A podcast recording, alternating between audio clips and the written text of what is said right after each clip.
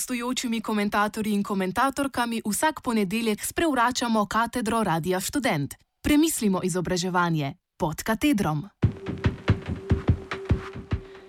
Stavka na univerzah in sindikalna nesolidarnost.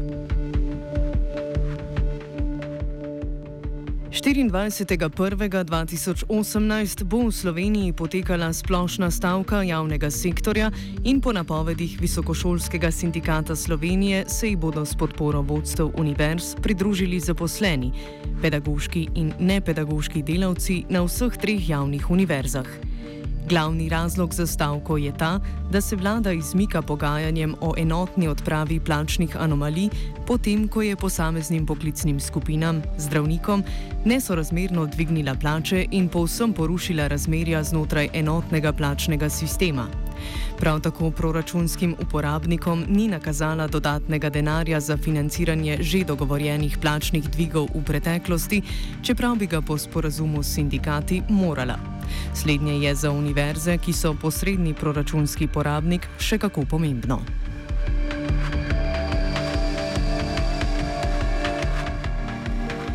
Dvigi plač, če jim ne sledijo tudi dvigi sredstev financiranja za nje, namreč vodijo v pritiske na zaposlene na univerzah, v različne optimizacijske in racionalizacijske ukrepe, krčenje študijskih programov in utihe ter tudi povsem odkrite napovedi zapolnitve finančnih vrzeli s šolninami. S tem bi primarno poslanstvo univerze, izvajanje javne službe in dostopnost do brezplačnega terciarnega izobraževanja v Sloveniji dokončno izgubili.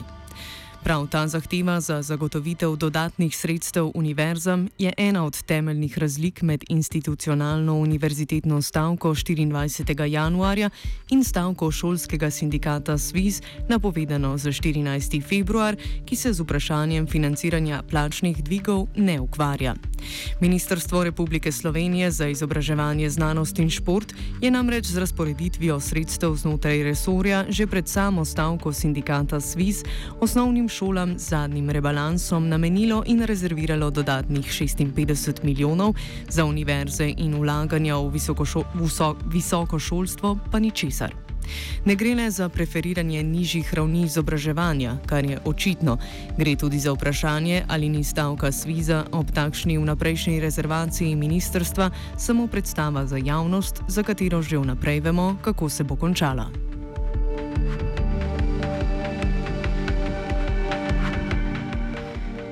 Glede na ravnanje Sviza, ko je na isto ministrstvo, ki razdeljuje sredstva mimo vseh drugih podpisnikov kolektivne pogodbe, posredoval predlog sprememb kolektivne pogodbe, ministrica pa ga je prav tako mimo drugih podpisnikov kar posredovala v medresorsko usklajevanje, se bojimo, da gre za škodo univerzam.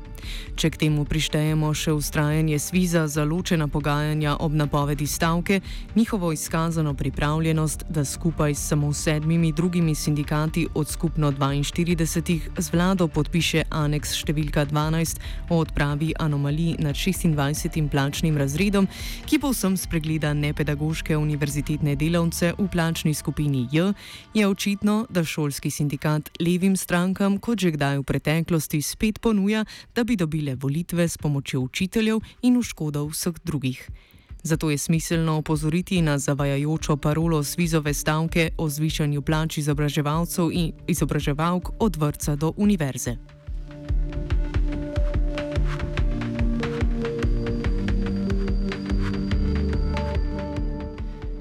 Če pogledamo podrobneje, namreč vidimo, da Prvič, predlog aneksa k kolektivni pogodbi za vzgojo in izobraževanje, ki ga je SWIS mimo vseh treh drugih podpisnikov kolektivne pogodbe posredoval na Ministrstvo za izobraževanje, višjega vrednotenja dela v vrcih sploh ne prinaša.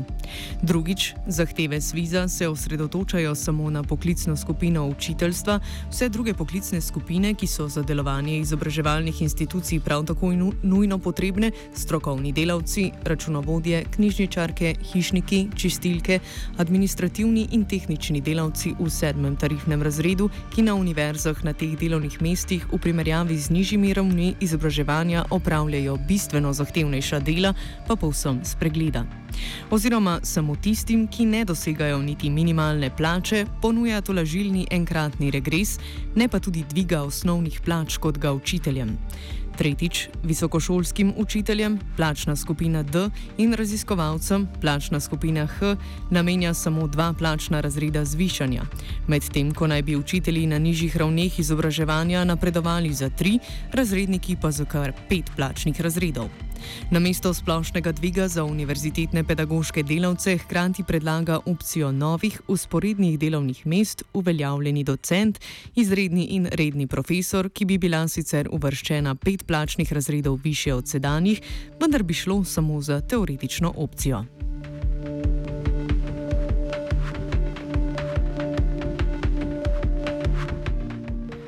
Po delovno-pravni zakonodaji in glede na univerzitetno avtonomijo namreč delodajalca ni mogoče z ničemer prisiliti, da bi nova usporedna delovna mesta sistemiziral, kaj šele, da bi delavce na nje prerasporedil. Svizova zatrjevanja o avtomatizmu pri prerasporejanju tako izhajajo ali iz popolnega nepoznavanja razmer na univerzah ali pa iz navadne demagogije. Ker so zaposleni pedagoški delavci na Univerzi v Mariboru v preteklih petih letih neposredno izkusili diskrecijo delodajalca pri delovnih mestih in njene posledice ter bojevali mukotrpne pravne bitke, lahko tak predlog označimo kot nespodoben in bi pravzaprav morali najprej stavkati proti takemu, torej svizovemu predlogu za univerzitetni del njihovih predlogov.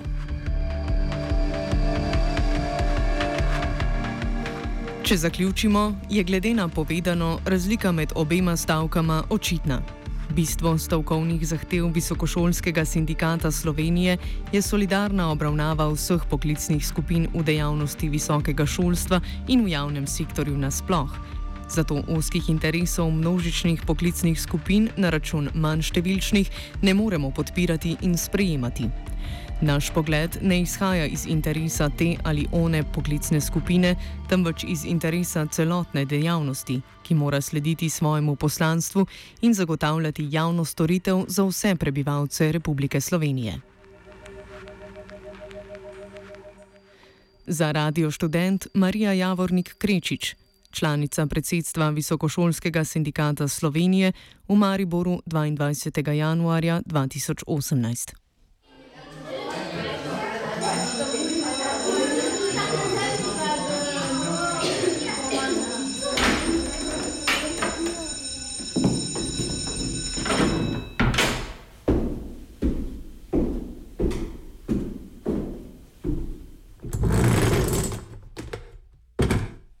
gostujočimi komentatorji in komentatorkami vsak ponedeljek sprevračamo katedro Radia Student. Premislimo izobraževanje pod katedrom.